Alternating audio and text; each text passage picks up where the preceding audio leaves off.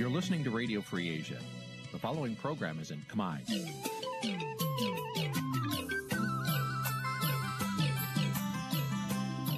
នេះជាកម្មវិធីផ្សាយ Vuthu Azizi Serai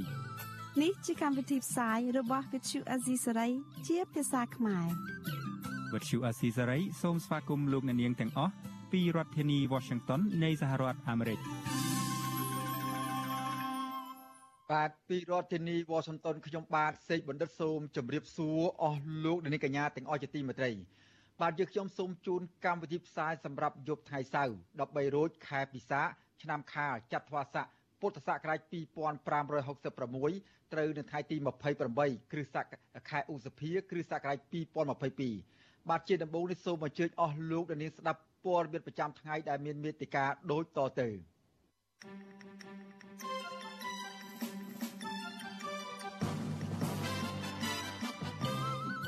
គណៈបកភ្លើងទៀនធ្វើយុទ្ធនាការឃោសនារោគសម្លេងឆ្នោតនៅខេត្តជាប់ព្រំដែនថៃនិងវៀតណាមសង្គមស៊ីវិលបារម្ភថារដ្ឋាភិបាលគ្មានឆន្ទៈពិតប្រាកដក្នុងការកាត់ផ្ដាល់ដីតំបន់បឹងទន្លេសាបជូនដល់ពលរដ្ឋសមត្ថកិច្ចរាជធានីភ្នំពេញបន្ត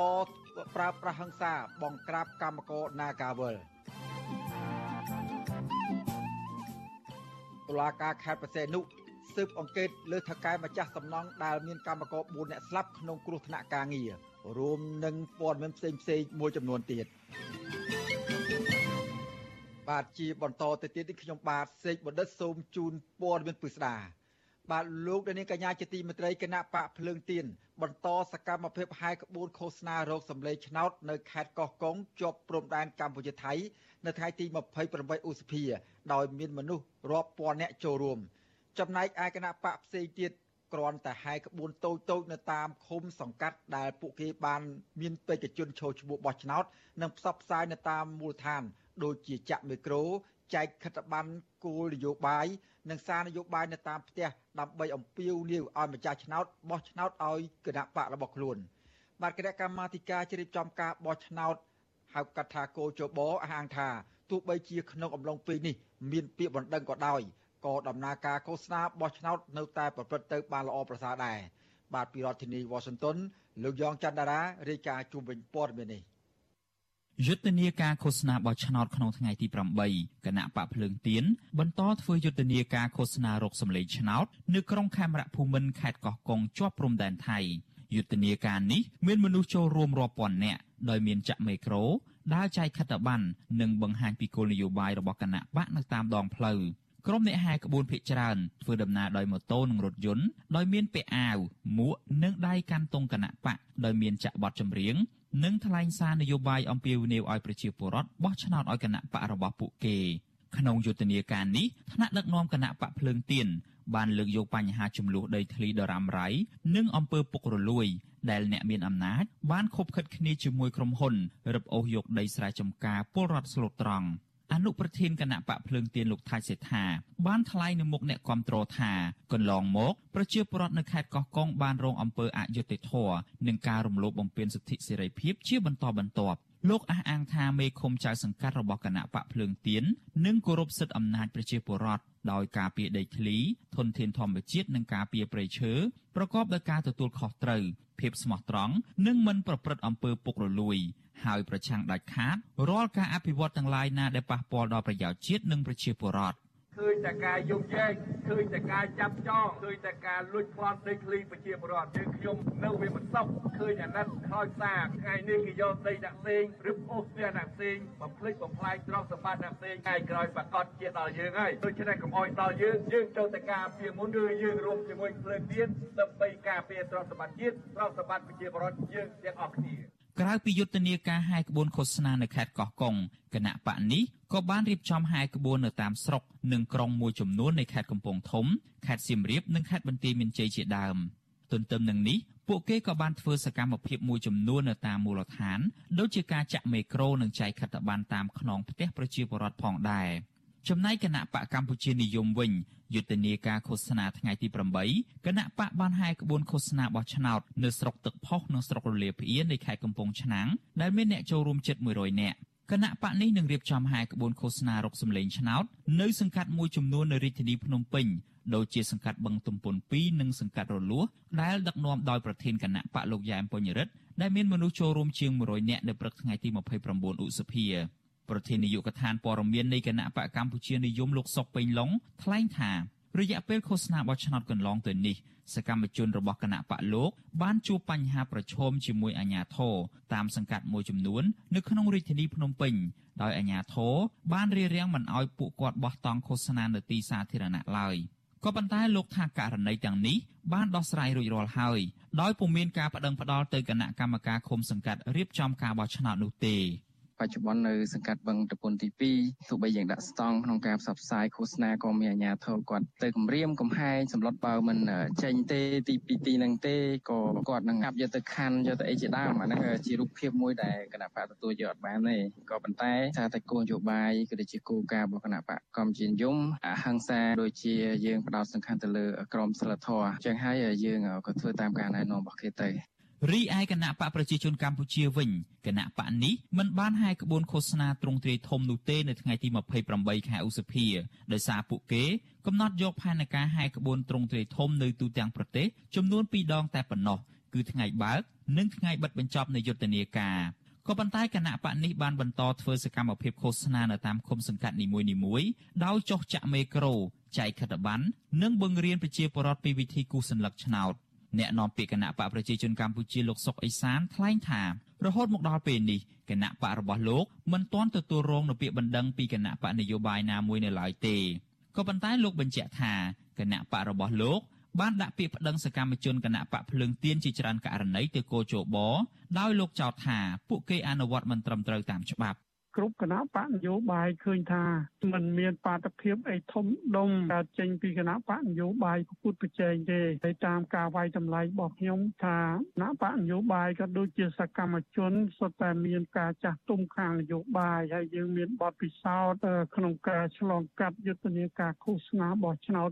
រីឯគណៈបកនយោបាយមួយចំនួនទៀតរួមមានគណៈបកឆន្ទៈខ្មែរគណៈបកកែតម្រង់កម្ពុជា និងគណៈបកប្រជាធិបតេយ្យមូលដ្ឋានជាដើមមិនទាន់ប្រកាសថ្ងៃយុទ្ធនាការទ្រង់ទ្រាយធំនៅឡើយទេ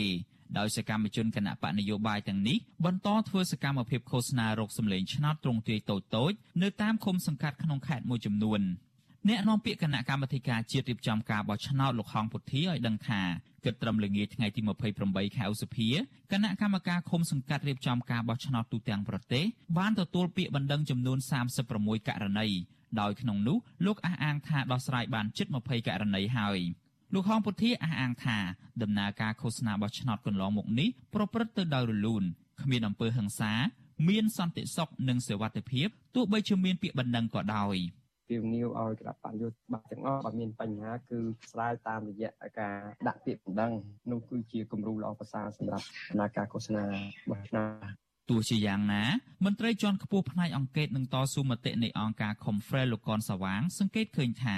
រយៈពេលយុទ្ធនាការឃោសនាបោះឆ្នោតប៉ុន្មានថ្ងៃមកនេះមានពាក្យបណ្ដឹងលើគណៈបកភ្លើងទៀនតាក់ទងនឹងសកម្មភាពឃោសនា និងការចែកថាវិការគណៈបដា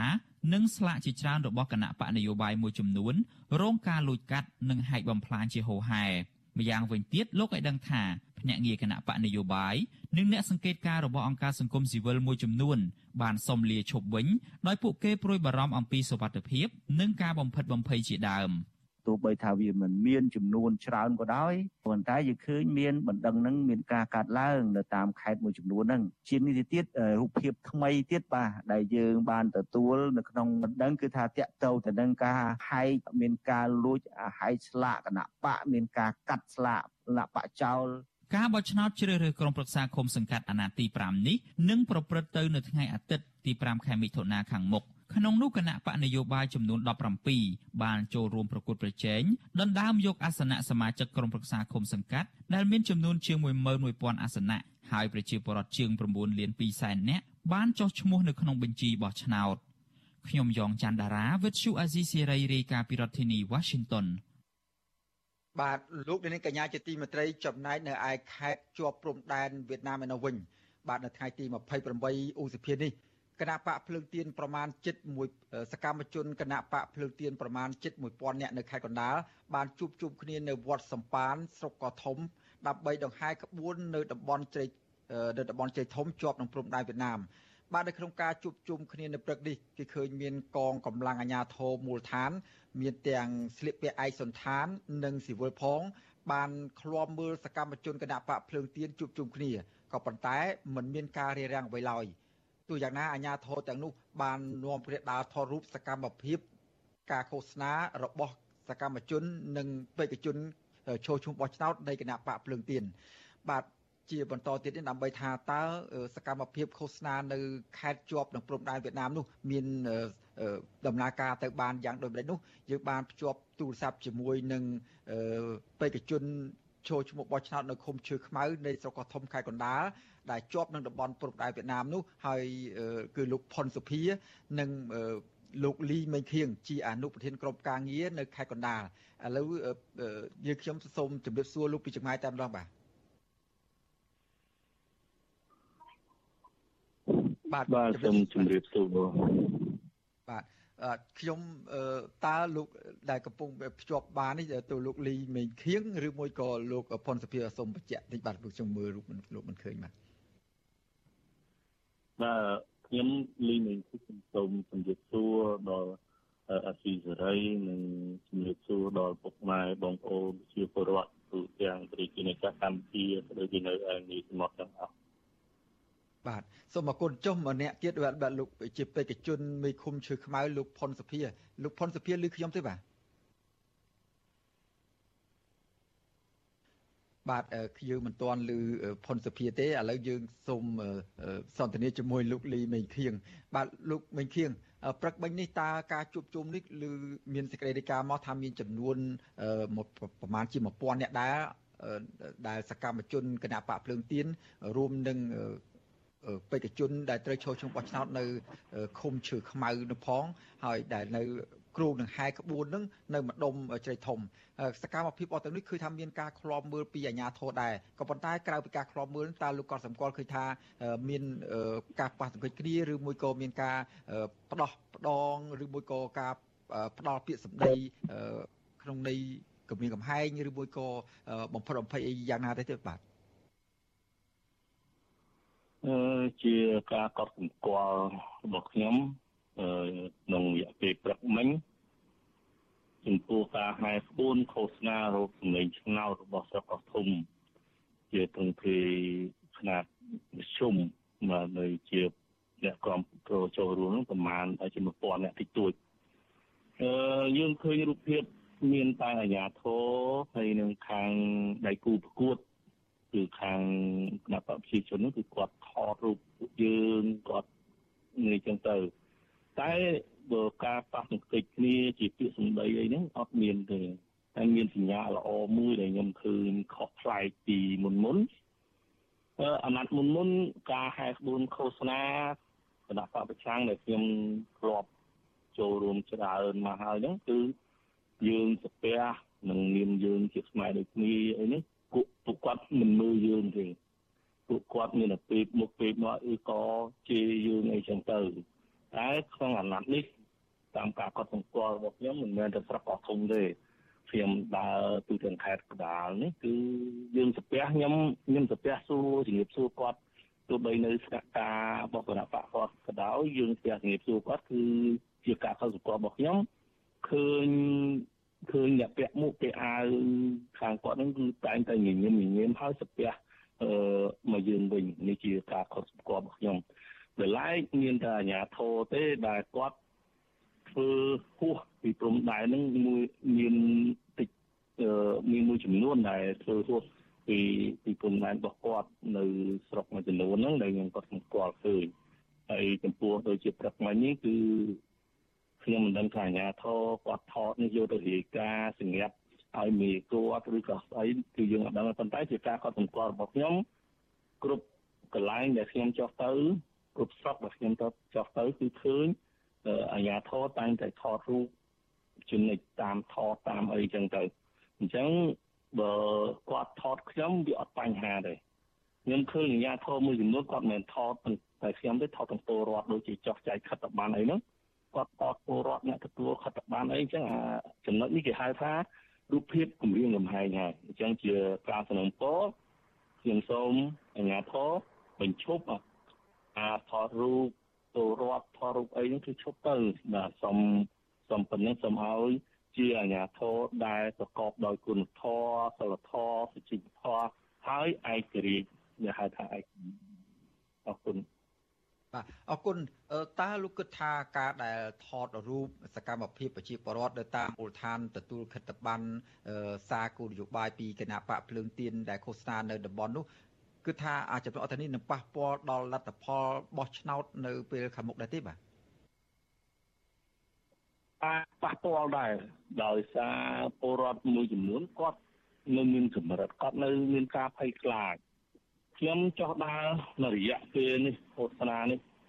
ពលរដ្ឋមួយចំនួនធំគាត់ត្រេកអរខ្លាំងគាត់ថាគាត់មិននឹកស្មានមានគណៈបកប្រឆាំងដ៏ធំមកចូលរួមការបោះឆ្នោត ធ្វើឲ្យគាត់កក់ក្ដៅឡើងវិញនេះពលរដ្ឋថាគាត់ថារយៈពេលជាង4ឆ្នាំហើយដែលគាត់រស់នៅក្នុងការផិតភ័យក្នុងការគម្រាមកំហែងផ្នែកស្មារតីក្នុងការគម្រាមកំហែងអឺគ្រប់បែបយ៉ាងអំពីផ្លូវចិត្តហ្នឹងអញ្ចឹងការដូចគម្រាមកំហែងផ្នែកបាស្មារតីហ្នឹងប្រយ័ត្នមិនចេះប្រយ័ត្នមិនចោះនិយាយទៅអូយកគេចោតបត់ញុះញង់អញ្ចឹងគឺគាត់រងាគាត់ឯកាប៉ុន្តែដល់ពេលមកយើង យើងចាប់ផ្ដើមដំណើរការគណៈបកភ្លើងទៀនខ្ញុំចោះទៅជួបពលរដ្ឋគាត់សប្បាយរីករាយតែទន្ទឹមនឹងនេះចាប់ផ្ដើមយុទ្ធនាការឃោសនាពួកយើងដើរចែកខិតបាំងមានអាញាធរនោះគាត់ដើរថតដោយយ៉ាងត្រឹកមិញត្រឹកមិញពលរដ្ឋមួយចំនួនគាត់យើងលើកដៃទៅផ្ទះជំរាបសួរគាត់គាត់ឃើញអាញាធរក៏អត់ហ៊ានទៅផ្ទះយើងវិញគាត់លើកមេដៃឲ្យណាអញ្ចឹងវាប៉ះពាល់អារម្មណ៍ដល់ពលរដ្ឋអ្នកបោះឆ្នោតអញ្ចឹង ខ្ញុំសូមសំណូមពរចាប់ពីពេលនេះទៅសូមអាជ្ញាធរគួរបញ្ឈប់ការដើរថតរូបពលរដ្ឋដែលពួកយើងខ្ញុំជាគណៈបកនយោបាយដែលចែកខិត្តប័ណ្ណចែកតែបើថតពួកយើងខ្ញុំជាគណៈបកនយោបាយថតទៅខ្ញុំមិនថាអីទេព្រោះអីជាជាទម្លាប់របស់អាជ្ញាធរគាត់តែងតែតែថតពួកយើងខ្ញុំតាំងពីដើមមកហើយហ្នឹងជាចំពោះខ្ញុំខ្ញុំមិនជាចាប់អារម្មណ៍អាការថតរូបការអីនេះប៉ុន្តែថតទៅពលរដ្ឋពលរដ្ឋគាត់មានការភ័យខ្លាច គាត់មានការព្រួយបារម្ភក្នុងការគម្រាមកំហែងហ្នឹងគឺនេះជាជាការគម្រាមកំហែងផ្នែកស្មារតីបាទបាទអរគុណឥឡូវយើងងាកទៅគោលនយោបាយរបស់គណៈបកភ្លើងទៀនវិញ យើងដឹងហើយថាគោលនយោបាយរបស់គណៈបកភ្លើងទៀនមាន7ចំណុចសំខាន់ក៏ប៉ុន្តែដោយឡែកសម្រាប់ខេត្តនៅជាប់ព្រំដែនកម្ពុជាវៀតណាមនេះតើគណៈបកភ្លើងទៀនមានរំលេចនៅចំណុចណាមួយដើម្បីឲ្យមានការតាក់ទាញពីម្ចាស់ឆ្នោតដែលរស់នៅតំបន់ព្រំដែននោះទេបាទអឺពួកគាត់តាមភូមិនីមួយៗគាត់មានគោលនយោបាយរបស់គាត់សម្រាប់អឺសម្រាប់អនុវត្តនៅក្នុងឃុំរបស់គាត់ ដោយឃុំខ្លះគាត់មានជនឧបវេសច្រើនដែលមិនប្រោះដីចូលមកគឺគាត់នឹងនឹងមិនឲ្យមានការហូរចូលជនអន្តោប្រវេសហើយជាដើមអញ្ចឹងទៅនឹងការពារផលប្រយោជន៍ដីធ្លីអឺពលរដ្ឋដែលត្រូវអ្នកមានអំណាចប្លន់មានអំណាចគេគៀបសង្កត់យកទិញឲ្យតម្លៃថោកអឺគាត់មានគោលនយោបាយ របស់គាត់រៀងរៀងខ្លួនតាមឃុំចំពីលើគោលនយោបាយទៅចំណុចរបស់គណៈបកពេញទៀន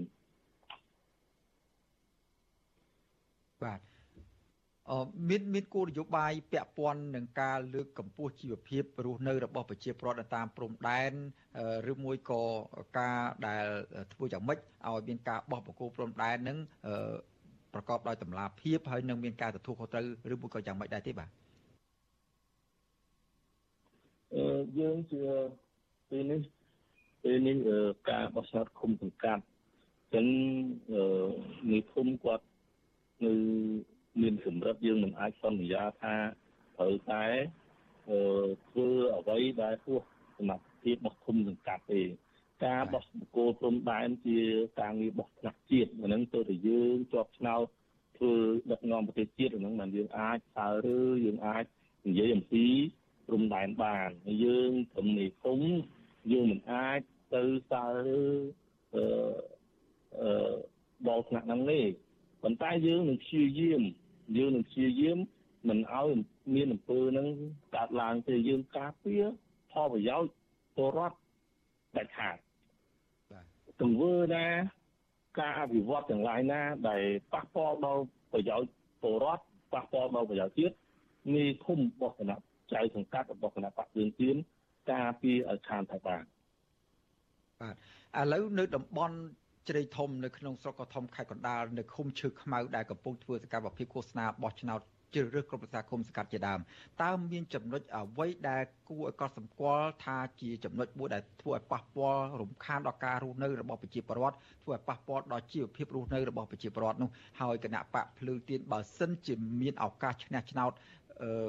ដឹកនាំឃុំសង្កាត់នៅក្នុងស្រុកកោះធំនោះដែលជាប់នឹងព្រំដែនវៀតណាមនោះនឹងធ្វើសកម្មភាពនិងកែលម្អស្ថានភាពជួបការលំបាកនេះឲ្យមានភាពល្អប្រសើរយ៉ាងណាដែរបាទ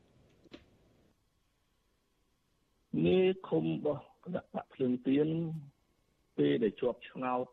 បានធ្វើជាមីឃុំធ្វើជាចៅសង្កាត់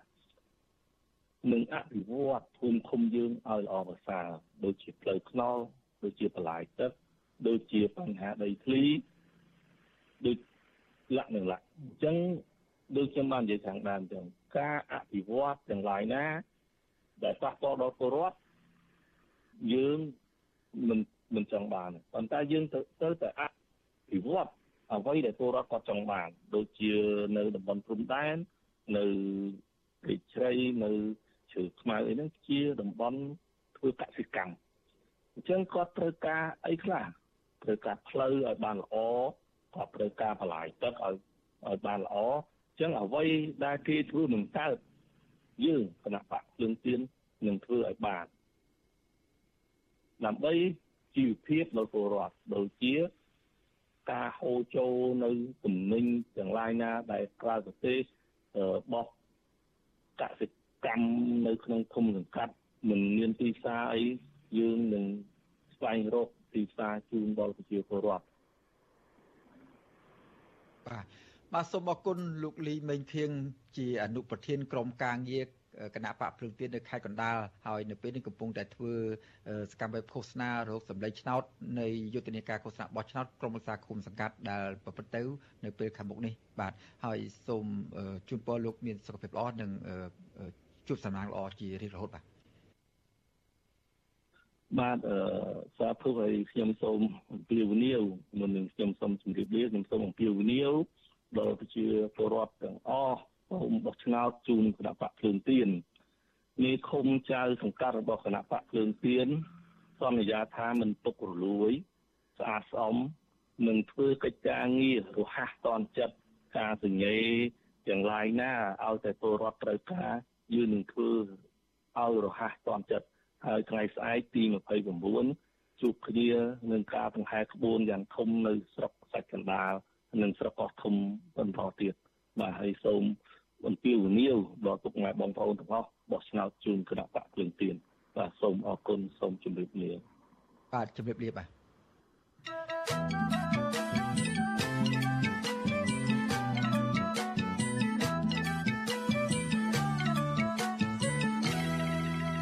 បាទលោកនាងកញ្ញាជាទីមេត្រីពាក់ព័ន្ធនឹងបញ្ហាខ្មែរកម្ពុជាក្រោមវិញអង្គការសមាគមខ្មែរក្រោមក្នុងស្រុកនិងក្រៅស្រុកគ្រោងធ្វើបុណ្យខួប73ឆ្នាំនៃថ្ងៃបាត់បង់ទឹកដីកម្ពុជាក្រោមសហព័ន្ធខ្មែរកម្ពុជាក្រោមដែលមានមូលដ្ឋាននៅសហរដ្ឋអាមេរិកគ្រោងនឹងធ្វើពិធីនេះនៅថ្ងៃទី4ខែមិថុនានៅវត្តខេមរៈរាំងសីទីក្រុងសាន់ហូសេនៃរដ្ឋកាលីហ្វ័រញ៉ា ដោយឡែកសហគមន៍ខ្មែរកម្ពុជា ដែលមានមូលដ្ឋាននៅកម្ពុជាវិញនោះនឹងធ្វើពិធីនេះនៅថ្ងៃទីនៅថ្ងៃអាទិត្យទី3ខែកក្កដាដោយសារតែកម្ពុជា មានការបោះឆ្នោតជ្រើសរើសក្រុមប្រឹក្សាគុំសង្កាត់នៅថ្ងៃទី5ខែមិថុនាខាងមុខនោះ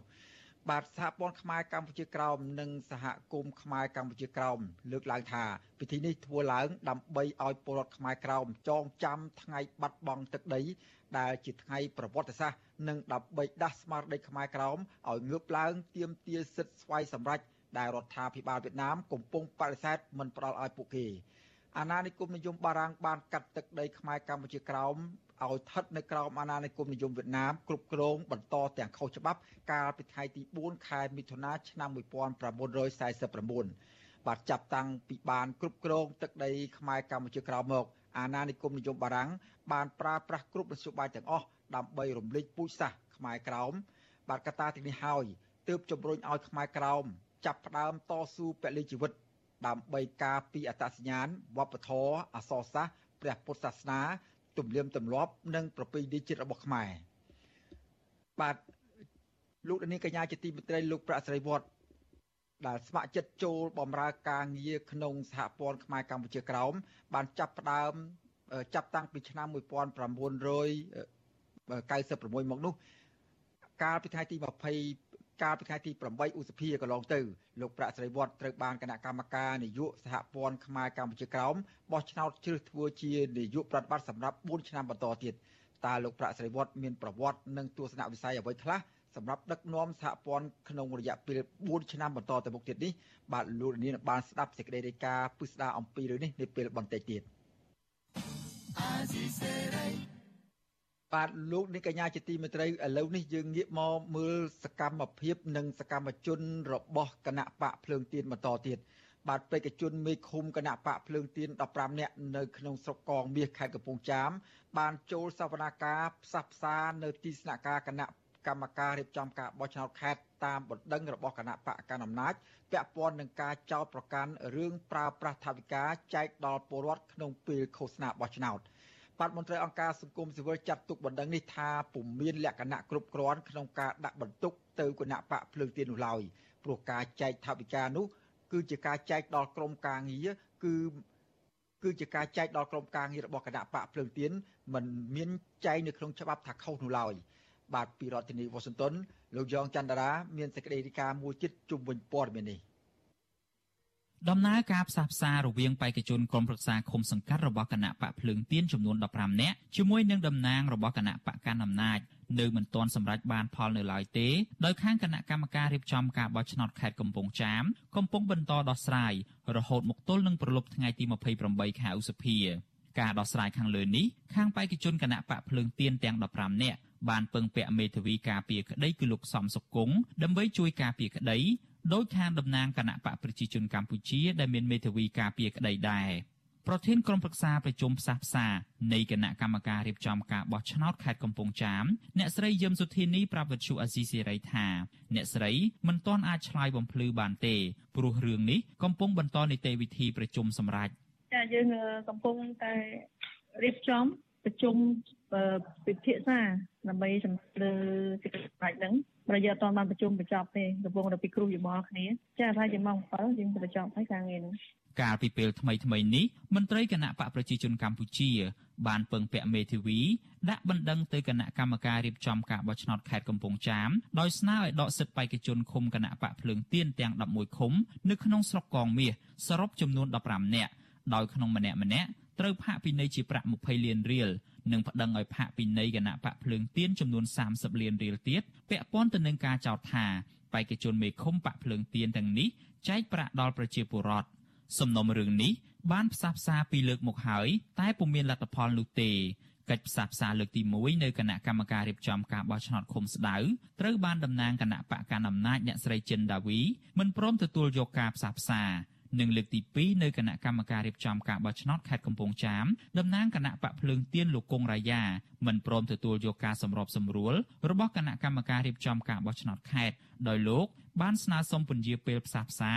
ដើម្បីស្វែងរកមេធាវីជួយការពីក្តីដោយខាងភិក្ខីដើមបណ្ដឹងដែរវិទ្យុអាស៊ីសេរីមិនទាន់អាចតាក់ទងលោកគង់រាយា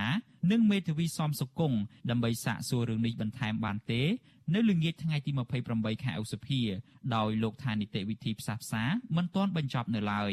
ទោះជាយ៉ាងណាអ្នកសម្របសម្រួលផ្នែកអង្កេតនឹងតស៊ូមតិនៃអង្គការ Confrel លោកកនសវាងយល់ឃើញថាការផ្ដល់ថវិកាដល់ក្រុមការងារគណៈបកនយោបាយរបស់ខ្លួននៅតាមឃុំដើម្បីធ្វើសកម្មភាពឃោសនាពុំមានមេត្រាណាដែលចែងក្នុងការហាមឃាត់នោះឡើយនេះបើយោងទៅតាមច្បាប់ស្តីពីការបោះឆ្នោតក្រុមប្រឹក្សាឃុំសង្កាត់ ច្បាប់ស្តីពីការបោះឆ្នោតក្រុមប្រឹក្សាឃុំសង្កាត់មាត្រា71ចែងថាគ្រប់គណៈបកនយោបាយបេក្ខជនឬតំណាងទាំងអស់មិនត្រូវផ្ដល់អំណោយជាថវិកាឬជាសម្ភារៈលើកទឹកចិត្តទោះបីជាតាមមធ្យោបាយឬជារូបភាពណាក៏ដោយដល់ស្ថាប័នអង្គការឬបុគ្គលណាម្នាក់ក្នុងគោលបំណងទិញទឹកចិត្តអ្នកបោះឆ្នោត ចំណែកមាត្រា171ចែងថាត្រូវផាកពិន័យជាប្រាក់ពី5លានរៀលទៅ20លានរៀលនិងត្រូវលុបឈ្មោះពីបញ្ជីបោះឆ្នោតឬលុបបេក្ខភាពរបស់សមីខ្លួនចំពោះជនណាដែលទិញសัญลักษณ์ឆ្នោតដោយសម្ភារៈឬដោយប្រកាស អ្នកខ្លាំមើលការបោះឆ្នោតយល់ឃើញថាផ្អែកលើមេត្រាខាងលើនេះសកម្មភាពរបស់បេក្ខជនបាក់ភ្លើងទៀនលោកកុងរាយាដែលផ្ដល់ថវិកាសម្រាប់ក្រុមការងារខ្លួនឯងនេះគឺមិនមានកំហុសនោះទេពីព្រោះពួកគេស្ថិតនៅក្នុងរចនាសម្ព័ន្ធរបស់បករួចទៅហើយនិងមិនមានអ្វីដែលត្រូវទិញទឹកចិត្តទៀតនោះទេអ្នកខ្លំមើលការបោះឆ្នោតបន្តថាប្រសិនបើស្ថាប័នកោជបចាត់វិធានការលើបេក្ខជនគណៈបកភ្លើងទៀនរឿងចែកលុយដល់ក្រុមការងារខ្លួននេះគណៈបកជាច្រើនផ្សេងទៀតរួមទាំងគណៈបកកណ្ដាលអំណាចផង ដែលធ្លាប់ចែកអំណោយដល់សកម្មជនឬអ្នកគាំទ្ររបស់ខ្លួនជាសាធារណៈនោះកោជបក៏ត្រូវតែចាត់វិធានការដូចគ្នានេះដែរខ្ញុំយ៉ងច័ន្ទដារាវិទ្យុអាស៊ីសេរីរាយការណ៍ពីរដ្ឋធានី Washington បាទលោកនេះកញ្ញាជាទីមេត្រីភ្ជាប់ទៅនឹងសេចក្តីរាយការណ៍នេះដែរយើងបានភ្ជាប់ខ្សែទូរស័ព្ទទៅជាមួយលោកគង់រាយា ដើម្បីសាកសួរលោកបន្ថែមអំពីដំណើរការផ្សះផ្សាទៅលើបណ្ដឹងរបស់គណៈបក ប្រជាជនកម្ពុជាដែលជាបកការអំណាចដែលចោទប្រកាន់គណៈបកភ្លើងទៀតថាបានចែកឬមួយក៏ទិញទឹកចិត្តទៅដល់ប្រជាពលរដ្ឋដែលជាម្ចាស់ឆ្នោតនៅក្នុងយុទ្ធនាការឃោសនាបោះឆ្នោតជ្រើសរើសគុំសាគុំសកាត់ឥឡូវខ្ញុំបានឃើញរូបគង់រយៈតាមរយៈប្រព័ន្ធវីដេអូ Skype ហើយខ្ញុំបានសូមជម្រាបសួររយៈពីចម្ងាយបាទបាទរយៈបាទសូមជម្រាបសួរបងបាទបាទបាទអឺ តើយ៉ាងម៉េចទៅ ចំពោះការផ្សះផ្សារហូបមកដំណាក់កាលចុងក្រោយនេះយើងគិតថាចិត្តដល់ថ្ងៃបិទបញ្ចប់នៃយុទ្ធនាការឃោសនាហើយថ្ងៃបោះឆ្នោតក៏កាត់តែគិតចូលមកដល់មែនទែនដែរហើយក៏ប៉ុន្តែចំនួននៅ ក្នុងស្រុកកងមាសខេត្តកំពង់ចាមនេះនៅមិនទាន់បានបញ្ចប់ដល់ឡើយតើការអូសបន្លាយចំនួននេះវានឹងប៉ះពាល់ដល់ដំណើរការឃោសនានិងដំណើរការបោះឆ្នោតជ្រើសគុំជ្រើសគុំសាគុំសកាត់នៅក្នុងស្រុកកងមាសដែលលោករយ៉ាជាអ្នកក្រុមការងារកាន់នៅខាងស្រុកនោះដែរទេបាទបាទសូមជម្រាបសួរដល់ពុកម៉ែបងប្អូនជនជាតិខ្មែរទាំងក្នុងនិងក្រៅប្រទេសដែលកំពុងតាមដានការផ្សព្វផ្សាយរបស់វិទ្យុអសីសេរី ជាការពិតណាការផ្សព្វផ្សាយនៅថ្ងៃនេះគឺត្រូវចំណាយពេលរហូតដល់ម៉ោង7:07យប់ឯណោះទម្រាំតែអាចបានដឹងលទ្ធផលថាលទ្ធផលផ្សព្វផ្សាយនឹងយ៉ាងណាជាលទ្ធផលគឺគណៈកម្មការរៀបចំការបោះឆ្នោតខេត្តកំពង់ចាមគាត់បានសម្រេចរក្សាឈ្មោះបេក្ខជនទាំង 15នាក់រួមរូបទាំងខ្ញុំក៏ខ្ញុំនៅតែមានសិទ្ធិចូលឈ្មោះឲ្យពលរដ្ឋបោះឆ្នោតឲ្យនៅក្នុងគុំស្ដៅខ្ញុំដែរប៉ុន្តែអឺដោយសារតែខ្ញុំត្រូវបានខាងអឺគណៈកម្មការរៀបចំការបោះឆ្នោតខេត្តកំពង់ចាមនឹងសម្រាប់ផាកពិន័យបន្ថែម ចំនួនទឹកប្រាក់5លានរៀល5លានរៀលហើយខ្ញុំយល់ថាវាមិនទាន់មានទិដ្ឋធម៌ពេញលេញសម្រាប់លោកខ្ញុំនៅឡើយទេ តាំងពីដំណើរការរឿងក្តីចាប់ពីថ្ងៃទី24 25មកមកដល់ថ្ងៃនេះគឺដល់ថ្ងៃទី28ហើយរយៈពេល3ថ្ងៃនេះគឺមានឃុំខ្លះនៅក្នុងស្រុកកោមីខេត្តកំពង់ចាមគាត់មិនបានអឺធ្វើការឃោសនាបោះឆ្នោតទេដោយសារតែគាត់ជាប់រវល់តវ៉ាបណ្ដឹងនិងសហការជាមួយនឹងខាង គណៈកម្មការរៀបចំបោះឆ្នោតតាមឃុំនីមួយៗក៏ដូចជាគណៈកម្មការរៀបចំការបោះឆ្នោតខេត្តកំពង់ចាមចំណែកឃុំរបស់ខ្ញុំវិញទោះបីជាខ្ញុំជាប់បណ្ដឹងមិនមានយកយ៉ាងណាក៏ដោយប៉ុន្តែខ្ញុំនៅតែបន្តឃោសនាបោះឆ្នោតគ្រាន់តែខ្ញុំមិនអាចនៅជាប់ហើយការឃោសនាបោះឆ្នោតនឹងមិនបានពេញលេញតាមការកំណត់និងការគ្រោងទុកបាទ ចំពោះការផាកពិន័យ5លានរៀលនេះតើខាងគណៈបកភ្លើងទៀននឹងបន្តតវ៉ាលើបណ្ដឹងនេះតទៅទៀតឬមួយក៏សម្រេចថាយ៉ាងម៉េចហើយបើសិនជាគ្មានការបើសិនជាមានការកំណត់ណាមួយឲ្យបង់ប្រាក់ចំនួន5រៀលរៀលនៅក្នុងដំណាក់កាលនេះតើវាបើហើយគណៈបកអត់មានលុយបង់ឬក៏ខ្លួនរាយការណ៍ផ្ទាល់អត់មានលុយបង់នោះតើវានឹងប៉ះពាល់ដល់សិទ្ធិចូលឈ្មោះជាបេក្ខជនបោះឲ្យគេបោះឆ្នោត ក្នុងការជ្រើសរើសក្រុមប្រឹក្សាគុំសង្កាត់នេះឬមួយក៏យ៉ាងម៉េចដែរបាទចំពោះថាវិការរូបខ្ញុំច្បាស់100%ឯថាអត់មានទេដោយសារតែខ្ញុំនៅរៀនឡើយប៉ុន្តែយ៉ាងណាអឺ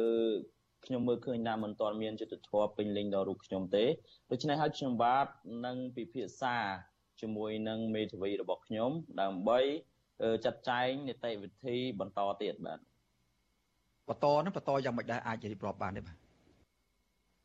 រងចាំការជជែកគ្នាជាមួយនឹងលោកមេធាវីសិនបាទបាទអញ្ចឹងតើការជជែកគ្នាពីពីមិនដំណាក់កាលទៅដំណាក់កាលទាំងព្រឹកមិញនេះផងនេះតើខាងគណៈកម្មការរៀបចំការបោះឆ្នោតខេត្តនោះព្រមអនុញ្ញាតឲ្យខាងគណៈបកភ្លើងទៀនពជាពេលទុកឱកាសឲ្យរោមមេធាវីដើម្បីប្រឹងផ្ដាល់គ្នាតាមផ្លូវតុលាការដែរទេបាទអឺ គាត់បានទុកឱកាសឲ្យយើងបើសិនបើយើងមិនសុខចិត្តការសម្រេចចិត្តរបស់គណៈកម្មការរៀបចំការបោះឆ្នោតខេត្តកំពង់ចាមយើងអាចបន្តរៀបចំពាក្យបណ្ដឹងបណ្ដឹងឡើងទៅគណៈកម្មការរៀបចំគណៈកម្មការជាតិរៀបចំការបោះឆ្នោតបានប៉ុន្តែទន្ទឹមនឹងហ្នឹងខ្ញុំចង់បញ្ជាក់ថាបទល្មើសដែលខ្ញុំដែលគណៈបព្វជិជនបានប្តឹងហ្នឹងមុនដំបូងគឺជាបទល្មើស ពាក់ព័ន្ធជាមួយនឹង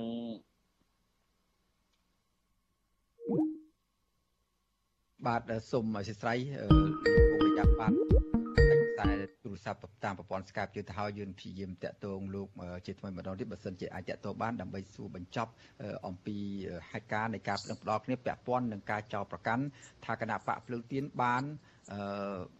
ចែកលុយទិញទឹកចិត្តទៅដល់ ប្រជាពលរដ្ឋដែលជាម្ចាស់ឆ្នោតឥឡូវនេះឃើញលោកគង់រយ៉ាត្រឡប់មកវិញសូមរយ៉ាមានប្រសាសន៍បន្តទៀតបញ្ចប់នៅអ្វីដែលខ្ញុំបានជម្រាបសួរខាងដើមនេះបាទបាទបាទអឺបទល្មើសមុនដំបូងដែលគេចោទប្តឹងហ្នឹងជាបទល្មើសដែលមិនសមហេតុផលតតែសោះគឺជាអឺពួកគាត់បានចោទខ្ញុំថានៅពេលដែលខ្ញុំចែកថវិកាចែកមួកគណៈបកចែកអាវគណៈបកតុងគណៈបកនិងតុងជាតិខ្មែរទៅកាន់សកម្មជនរបស់ គណៈបកភ្លើងទៀនដែលជាបេក្ខជនចូលឈ្មោះឲ្យគេបោះឆ្នោតទាំង11ឃុំហ្នឹងថាជារឿងខុសច្បាប់បាទប៉ុន្តែបណ្ដឹងហ្នឹងត្រូវបានអឺគណៈកម្មការរៀបចំការបោះឆ្នោតខេត្តកំពង់ចាមហ្នឹងបានបដិសេធចោលហើយ ទាំងរូបខ្ញុំទាំងអ្នក14អ្នកផ្សេងទៀតប៉ុន្តែពាក់ព័ន្ធជាមួយនឹងបណ្ដឹងមួយទៀតគឺពួកគាត់បានប្តឹងខ្ញុំពាក់ព័ន្ធជាមួយនឹងខ្ញុំបានបង្ខំសារ អឺពាក់ព័ន្ធជាមួយការចោទប្រកាន់ថាខ្ញុំចែកលុយពលរដ្ឋអីជាដើមដែលធ្វើឲ្យពលរដ្ឋជាច្រើនភ័ន្តច្រឡំមកលើរូបខ្ញុំថាខ្ញុំនឹងទិញទឹកចិត្តបែបការពិតខ្ញុំគឺចែកថវិកាក្នុងនាមខ្ញុំជាអ្នកដឹកនាំថ្នាក់ដឹកនាំស្រុកជាប្រធានក្រុមការងារប្រធានក្រុមត្រួតត្រងស្រុកកងមានដែលមានកាតព្វកិច្ចជួយស្វែងរកជួយអំពាវនាវរកថវិកាជូនថ្នាក់ដឹកនាំតាមគុំនីមួយៗហ្នឹង បែរជាធ្វើឲ្យពលរដ្ឋយល់ច្រឡំថាខ្ញុំយកលុយហ្នឹងទៅទិញទឹកចិត្តពលរដ្ឋទៅវិញអាហ្នឹងជាការខុសមែនតើបាទហើយតែពិតខ្ញុំគួរតែអាចប្តឹងបកទៅបុគ្គលទាំងអស់ហ្នឹងវិញប៉ុន្តែ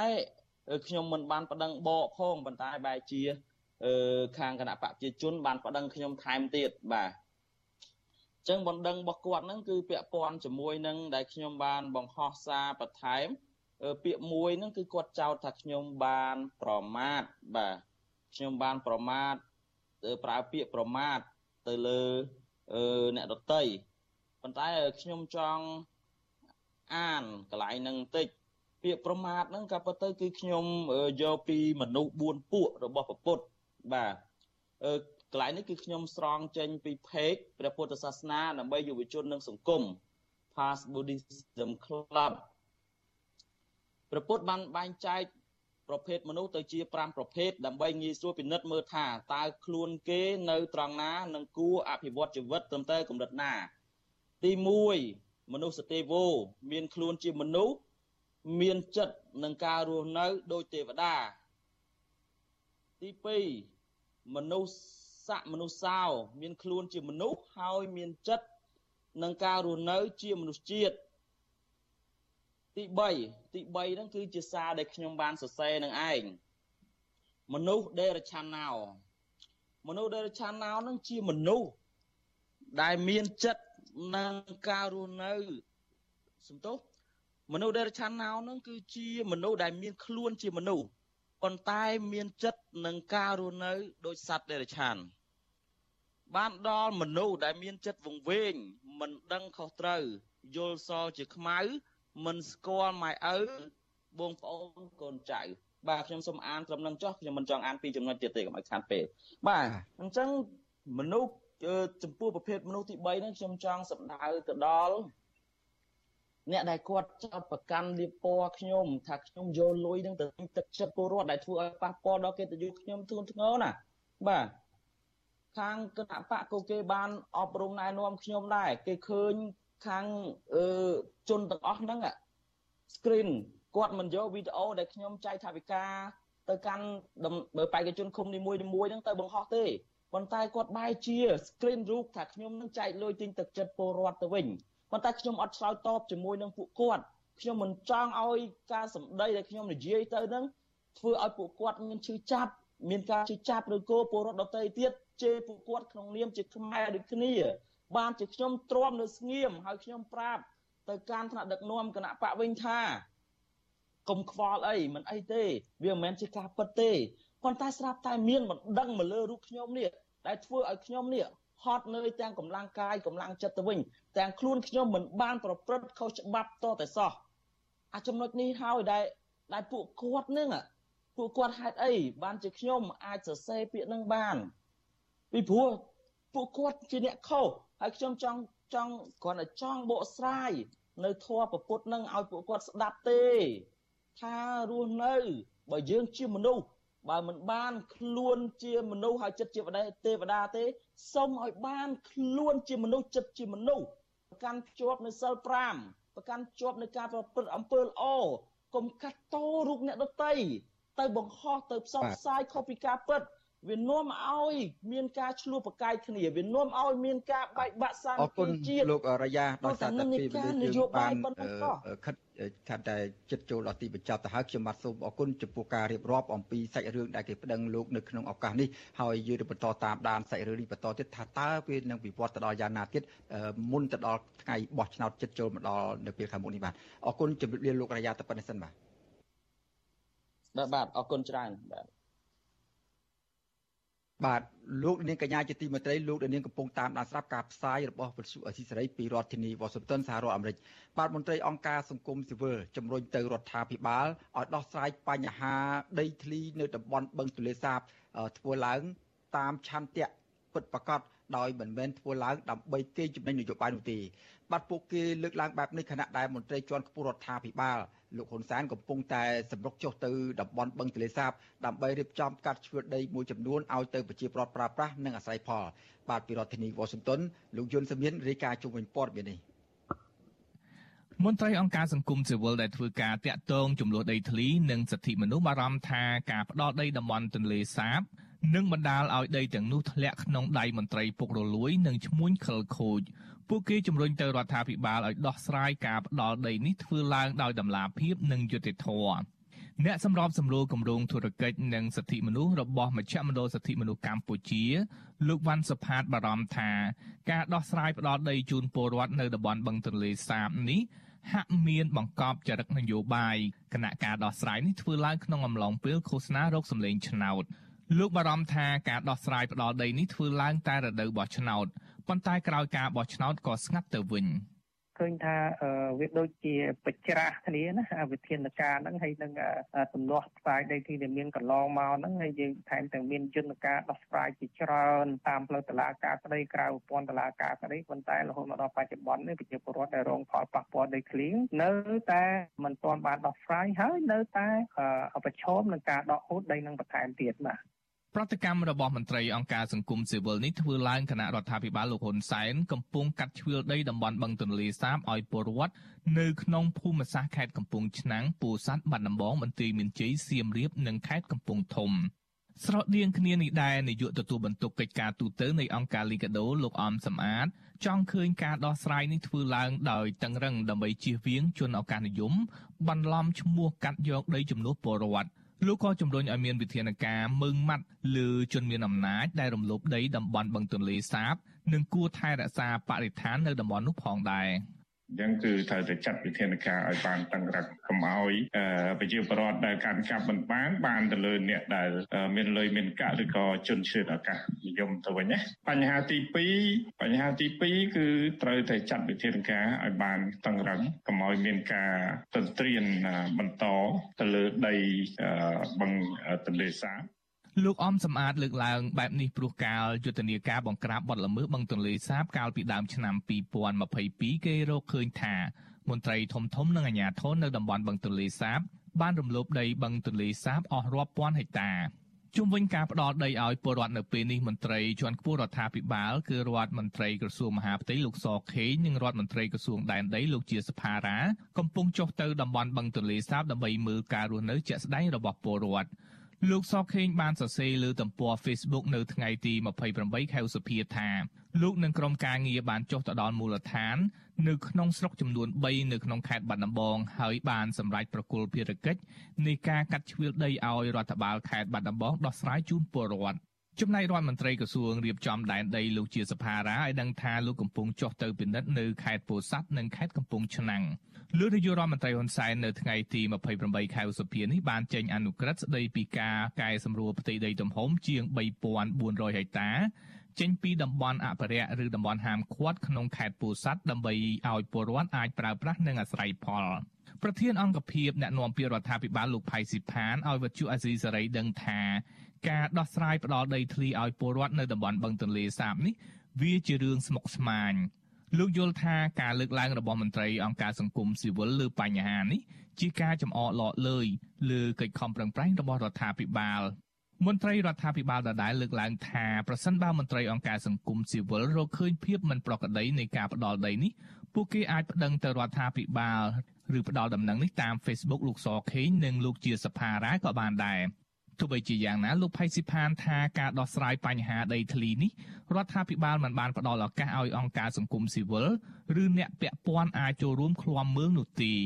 មិនមែនជាការលើកឡើងដោយយុត្តិធម៌នោះទេគឺការប្រឹងប្រែងរបស់រដ្ឋាភិបាលហើយការចាត់ចែងរឿងដីពាក់ព័ន្ធរឿងភូមិបាលអង្គការរដ្ឋាភិបាលដូចជាអត់មានដែនអំណាចក្នុងនោះទេក៏ហើយគ្រាន់តែជាអ្នកសង្កេតការអាចលើកឡើងបានពីពលលោកអត់មានអំណាចនៅក្នុងរឿងការងារនោះណា មន្ត្រីអង្គការសង្គមស៊ីវិលលោកវ៉ាន់សុផាតយល់ថាប្រសិនបើរដ្ឋាភិបាលមានឆន្ទៈដោះស្រាយគួរអនុញ្ញាតឲ្យអង្គការសង្គមស៊ីវិលជាតិនិងអន្តរជាតិឬមន្ត្រីស្ថានទូតចូលរួមឃ្លាំមើលរដ្ឋាភិបាលបានដកហូតដីព្រៃលិចទឹកតំបន់បឹងទន្លេសាបប្រមាណ62000ហិកតាពីមន្ត្រីខិលខូចនិងជនឱកាសនិយមដែលរំលោភតំបន់អភិរក្សក្នុងយុទ្ធនាការបង្ក្រាបការរំលោភដីតំបន់បឹងទន្លេសាបកន្លងទៅ រដ្ឋាភិបាលក៏គ្រោងកាត់ដីតំបន់បឹងទន្លេសាបពីតំបន់ហាមឃាត់ទៅជាតំបន់ពលរដ្ឋអាចរស់នៅអាស្រ័យផលឬធ្វើជាកម្មសិទ្ធិប្រមាណ240,000ហិកតាឲ្យពលរដ្ឋដែលបានរស់នៅតំបន់នោះប្រមាណ10ឆ្នាំឡើងទៅខ្ញុំយុនសាមៀនវិទ្យុអាស៊ីសេរីប្រធានាធិបតី Washington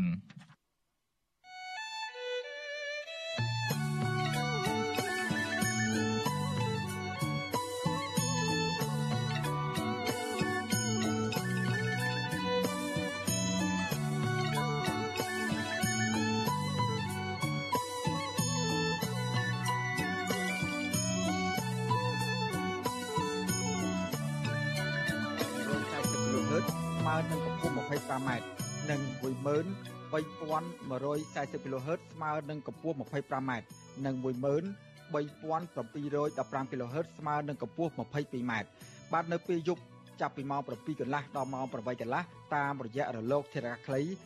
9960 kHz ស្មើនឹងកម្ពស់ 30m និង12140 kHz ស្មើនឹងកម្ពស់ 25m និង11885 kHz ស្មើនឹងកម្ពស់ 25m បាទសូមអរគុណបាទលោកនាងកញ្ញាជាទីមេត្រីឥឡូវនេះយើងមកកលេចមើលស្ថានភាពក្រុមកោតក្រនៃក្រុមហ៊ុនបលបែងកាស៊ីដូ Naga World វិញម្ដង បាទនៅព្រឹកមិញនេះសកម្មភាពបង្ក្រាប ពីសំណាក់អាជ្ញាធរទៅលើក្រុមកោតក្រនៅតែបន្តកើតមានទៀតបើទោះបីជាក្រសួងការងារបានប្រកាសថានឹងព្យាយាមសម្របសម្រួលជាមួយនឹងក្រុមហ៊ុនបលបែងការស៊ីណូ Naga World ជាមួយនឹងក្រុមកោតក្រដើម្បីរកដំណោះស្រាយពាក់ព័ន្ធនឹងចំនួនការងារដ៏រ៉ាំរ៉ៃនេះយ៉ាងណាក្តីបាទបុគ្គលិក Naga World ម្នាក់ ឈ្មោះអ្នកស្រីរតនាប្រឈមគ្រោះថ្នាក់ដល់អាយុជីវិតដោយសារបាត់បង់កូននៅក្នុងផ្ទៃហើយឥឡូវនេះកំពុងតែសម្រាប់សង្គ្រោះបន្ទាន់នៅក្នុងមន្ទីរពេទ្យដោយគាត់ត្រូវហូរឈាមច្រើន ហើយពេទ្យបានបញ្ជាក់ថាស្ថានភាពមិនល្អនោះនឹងត្រូវវះកាត់ស្បូនចោលដើម្បីការពារដល់អាយុជីវិតម្ដាយបាទឥឡូវនេះអ្នកស្រី កំពុងតែប្រឈមនឹងបញ្ហាជំងឺធ្ងន់ធ្ងរនិងគ្មានថវិកាគ្រប់គ្រាន់ក្នុងការព្យាបាលជំងឺនោះថែមទៀតផងហើយម្យ៉ាងទៀតពួកគាត់កំពុងតែសង្គ្រោះបន្ទាន់នៅក្នុងមន្ទីរពេទ្យឯកជនមួយកន្លែងហើយមានសុខភាពខ្សោយមែនទែនដោយមិនទាន់អាចបាននិយាយស្ដីឬមួយក៏មានការ ដឹងថាស្ថានភាពសុខភាពរបស់គាត់នោះនឹងវិវត្តទៅជាយ៉ាងណាទៀតនោះទេបាទឥឡូវនេះដើម្បីបានដឹងអំពីព្រឹត្តិការណ៍ការបង្ក្រាបការធ្វើទុកបុកម្នេញដោយហិង្សាពីសំណាក់ក្រុមអាជ្ញាធរទៅលើក្រុមកោតក្រការពិព្រឹកមិញនេះហើយយើងបានអញ្ជើញកញ្ញាឈួនសុធាបាទកញ្ញាឈួនសុធាគឺជាក្រុមកោតក្រម្នាក់នៅក្នុងចំណោមគុណក្រុមកោតក្រដទៃទៀតដែលបានចូលរួមធ្វើកោតកម្មការវិព្រឹកមិញនេះបាទសូមជម្រាបសួរសួនសុធាបាទចាជម្រាបសួរបង បាទរៀបរាប់អាចរៀបរាប់ដោយសង្ខេបបានទេអំពីព្រឹត្តិការណ៍ការពិព្រឹកមិញនេះតើមានការប្រទាំងប្រទិះគ្នាយ៉ាងម៉េចខ្លះរហូតដល់កើតជាអំពើហិង្សាធ្វើឲ្យអ្នកស្រីរតនាប្រឈមនឹងគ្រោះថ្នាក់ធ្ងន់ធ្ងរអាចថាពេលនេះអាចប្រឈមនឹងដល់គ្រោះថ្នាក់ជីវិតថែមទៀតផងនោះបាទនិយាយរួមទៅសកម្មភាពរបស់កងកម្លាំងអាជ្ញាធរនឹងគឺដដែលដដែលបងគឺដដែលដដែល គាត់បង្ក្រាបពួកខ្ញុំគឺដដែលដដែលជារៀងរាល់ថ្ងៃគឺសកម្មភាពរបស់ពួកគាត់នេះគឺមានការរុញច្រានវាយទាត់ធាក់ពួកខ្ញុំក្តិចខ្ញាំមានអស់ហើយផ្ទះកាភ្លៀង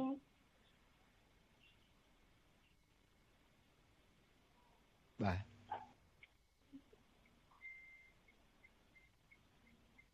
អាឡូបាទចាចាចាបង បាទបាទរុញច្រានផ្ទះកាភ្លៀងហើយមិនទៀតមិញដោយសារថាដាច់សម្លេងពីត្រង់នោះមកបាទសូមជិញមានផ្សាបន្តតគាត់តែងតរុញច្រានផ្ទះកាភ្លៀងលួចតាត់អីអញ្ចឹងទៅហើយមានទាំងខ្វាចទាំងក្តាច់ពួកគាត់ប្រុសប្រុសហ្នឹងកងកម្លាំងអាជ្ញាធរប្រុសប្រុសហ្នឹងបាទនិយាយរួមគឺ គឺគាត់ធ្វើយ៉ាងណា ដើម្បីកុំឲ្យពួកពួកខ្ញុំហ្នឹងគឺចូលទៅដល់ណាកាបានបាទចុះប្រកបនេះមានមានការប៉ះទង្គិចពាក្យសម្ដីគ្នាយ៉ាងម៉េចរហូតដល់ឈានដល់ទៅវាយដំអ្នកស្រីរតនារហូតដល់អាចថាឲ្យធ្វើឲ្យមានគ្រោះថ្នាក់ធ្ងន់ធ្ងរមានការធ្លាក់ឈាមនឹងអាចគាត់កំពុងមានផ្ទៃពោះផងនោះអាចនឹង ភាសាសាមញ្ញថាអាចរលុះកូនទៀតផងនោះតើមូលហេតុអីដែរបាទអាចបញ្ជាក់បានទេបាទនិយាយរួមទៅពួកខ្ញុំគឺអហិង្សាតែពួកគាត់ព្យាយាមបង្កើតហិង្សាលើពួកខ្ញុំជារៀងរាល់ថ្ងៃពួកខ្ញុំអត់មានទៅតវ៉ាតតាំងអីមួយពួកគាត់ទេពួកគាត់ឲ្យឡើងឡានគឺពួកខ្ញុំឡើងឡានហើយតែអ្វីដែលពួកគាត់ចង់បាននោះតម្រូវទៅតាមអារម្មណ៍គាត់ដែលគាត់ឲ្យឡើងគឺយើងត្រូវតែឡើងភ្លាមភ្លាមភ្លាមភ្លាមតាមគាត់ គាត់រុញច្រានឲ្យយើងឡើងភ្លាមភ្លាមតាមអារម្មណ៍របស់គាត់ហ្មងទោះថាពួកខ្ញុំទៅឡើងតាមអារម្មណ៍គាត់នឹងមិននឹងកើតបើគាត់រុញច្រានដួលឡើងពេញកន្លែងឡើងកន្លែងយើងឡើងលើឡានហ្នឹងបងបើគាត់ក៏តរុញច្រានរុញច្រានចឹងចង់ឲ្យពួកខ្ញុំឡើងយ៉ាងម៉េចហើយពួកខ្ញុំទាំងដែលដឹងហើយថាពួកខ្ញុំគឺទៅដើម្បីនៅឈរនៅប្របរបងក្រុមហ៊ុនណាកាហើយពួកខ្ញុំមានរឿងមានវិវាទជាមួយថៅកែណាកាមិនមែនជាមួយ បងបងមន្ត្រីអាជ្ញាធរទេចុះហេតុអីក៏ពួកគាត់នៅតែមានសកម្មភាពហិង្សាមកលើពួកខ្ញុំដែលជាកតករាល់ថ្ងៃនេះបាទឥឡូវងាកមកស្ថានភាពជំងឺរបស់អ្នកស្រីរតនាវិញតើ សុធាមានដឹងថាជំងឺគាត់មកទល់នឹងពេលនេះមានស្ថានភាពយ៉ាងម៉េចហើយហើយត្រូវសង្គ្រោះបន្ទាន់នឹងនៅក្នុងមន្ទីរពេទ្យដដែលហ្នឹងឬមួយក៏ត្រូវបញ្ជូនទៅណាបន្តទៀតដើម្បីសង្គ្រោះជីវិតគាត់ហ្នឹងបាទអឺអ្វីដែលខ្ញុំបានដឹងនោះគឺគាត់កំពុងតែនៅអឺអឺព្យាបាលនៅមន្ទីរពេទ្យហើយមន្ទីរពេទ្យរុស្ស៊ីគាត់ត្រូវវះកាត់សបូនចេញបាទ ហើយយ៉ាងម៉េចទៀតស្ថានភាពគាត់ហ្នឹងឥឡូវបន្តមកទល់នឹងពេលនេះក្រុមគ្រួសាររបស់គាត់បានដឹងអំពីរឿងនេះហើយឬនៅហើយគាត់អាចមានសុខភាពអាចនិយាយស្ដីដឹងខ្លួននិយាយស្ដីជាមួយ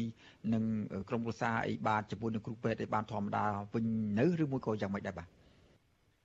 ពេលដែលខ្ញុំតាក់តងទៅហ្នឹងគឺគ្រួសារគាត់គឺស្វាមីគាត់ហ្នឹងគឺអ្នកលើកនិយាយមួយខ្ញុំថាគាត់អត់អាច និយាយជាមួយពួកខ្ញុំបានទេខ្ញុំចង់ជួបនិយាយមួយគាត់ក៏មិនអាចដែរព្រោះគាត់នៅនៅក្នុងមន្ទីរពេទ្យនិយាយអត់បានទេបងបាទអឺមើលទៅស្ថានភាពគាត់យ៉ាងម៉េចទៅ បើសិនជាតាមការសង្កេតរបស់សុធានោះបាទតាមតាមការសង្កេតរបស់ខ្ញុំនឹងគាត់ធ្ងន់ធ្ងរបងគាត់ហូចឈាមរហូតបងបាទ តើក្រមកោតកោនាការវល់ទាំងអស់នឹងរួមគ្នាធ្វើយ៉ាងដូចម្តេចទៀតដើម្បីស្វែងរកយុត្តិធម៌តាមផ្លូវច្បាប់ពាក់ព័ន្ធនឹងការធ្វើទរណកម្មប្រើហិង្សាទៅលើក្រុមកោតក្រពីមួយថ្ងៃទៅមួយថ្ងៃយ៉ាងដូចនេះបាទពួកខ្ញុំនៅតែបន្តបងពួកខ្ញុំនៅតែបន្តកតកម្មអហិង្សារបស់ពួកខ្ញុំដដែលពួកពួកខ្ញុំអត់មានវិធីអីផ្សេងក្រៅពីនឹងទេបងអើយ បាទម្សិលមិញនេះមានការជួបប្រជុំគ្នារវាងតំណាងក្រមកោតកោតំណាងសហជីពជាមួយនឹងថៅកែក្រុមហ៊ុនបលបែងកាស៊ីណូ Nagawal ហើយនឹងខាងតំណាងក្រសួងការងារតើសុធីអាចដឹងរឿងនេះថាតើមូលហេតុអីខ្លះដែលធ្វើឲ្យកិច្ចប្រជុំការពីថ្ងៃម្សិលមិញនេះពុំទទួលបានជាលទ្ធផលផ្លែការទទួលបានលទ្ធផលជាផ្លែផ្ការហូតដល់ឈានទៅដល់ការបញ្ចប់ចំនួនវិវាទការងារមួយនេះបាននោះបាទ និយាយរួមទៅការចរចាច្រើនលើកហើយបង គឺនៅតែដដែលដដែលដដែលអត់មានអីផ្លាស់ប្ដូរទេ ខាងក្រុមហ៊ុនគឺគាត់នៅតែមិនព្រមទទួលយកអ្នកដែលនៅសល់ចំនួន200នាក់តែឥឡូវដល់200នាក់ទេត្រឹម180នាក់ជាងទេតែគាត់នៅតែមិនព្រមទទួលហើយខាងក្រសួងការងារក៏គាត់អឺក៏គាត់ស្របតាមក្រុមហ៊ុនដែរបាទ អរគុណកញ្ញាឈុនសុធាតដែលបានផ្ដល់បទសភាអំពីស្ថានភាពរបស់ក្រម Nagawal ដែលកំពុងធ្វើកោតកម្មហើយត្រូវបានទទួលរំពើហិង្សានៅពេលនេះហើយយើងតាមដានបន្តទៅទៀតនៅពេលប្រតិជាតិនេះបាទបាទលោកនាងកញ្ញាជាទីមេត្រី បាទតុលាការខេត្តបរសេនុកំពុងបើកការស៊ើបអង្កេតលើម្ចាស់ការដ្ឋានសំណង់មួយកន្លែងនៅក្នុងខេត្តបរសេនុ ពាក់ព័ន្ធនឹងករណីកម្មករសំណង់ចំនួន4នាក់បានស្លាប់និងម្នាក់ទៀតកំពុងសម្រាកនៅក្នុងមន្ទីរពេទ្យនៅឡើយដោយសារតែកំហុសបច្ចេកទេសបណ្ដាលឲ្យពួកគាត់នោះដាច់ខ្សែរ៉កធ្លាក់ពីលើអគារកម្ពស់ជាន់ទី15បាទលោកនាងនឹងបានស្ដាប់សេចក្តីរាយការណ៍អំពីរឿងនេះនៅព្រឹកស្អែក បាទលោកនាងកញ្ញាជាទីមេត្រីការផ្សាយរបស់វិទ្យុអស៊ីសេរីសម្រាប់ប្រទេសនេះបានឈានដល់ទីបញ្ចប់ហើយខ្ញុំបាទសេកបណ្ឌិតព្រមទាំងក្រុមការងារទាំងអស់នៃវិទ្យុអស៊ីសេរីសូមជូនពរអស់លោកនាងឲ្យជួបប្រកបតែនឹងសេចក្តីសុខចម្រើនរុងរឿងកុំបីឃ្លៀងឃ្លាតឡើយហើយក្រុមការងាររបស់យើងការផ្សាយរបស់វិទ្យុអស៊ីសេរីនឹងវិលមកជួបអស់លោកនាងជាថ្មីម្ដងទៀតនៅព្រឹកស្អែកបាទសូមអរគុណនិងសូមជម្រាបលាបាទរាត្រីសួស្តី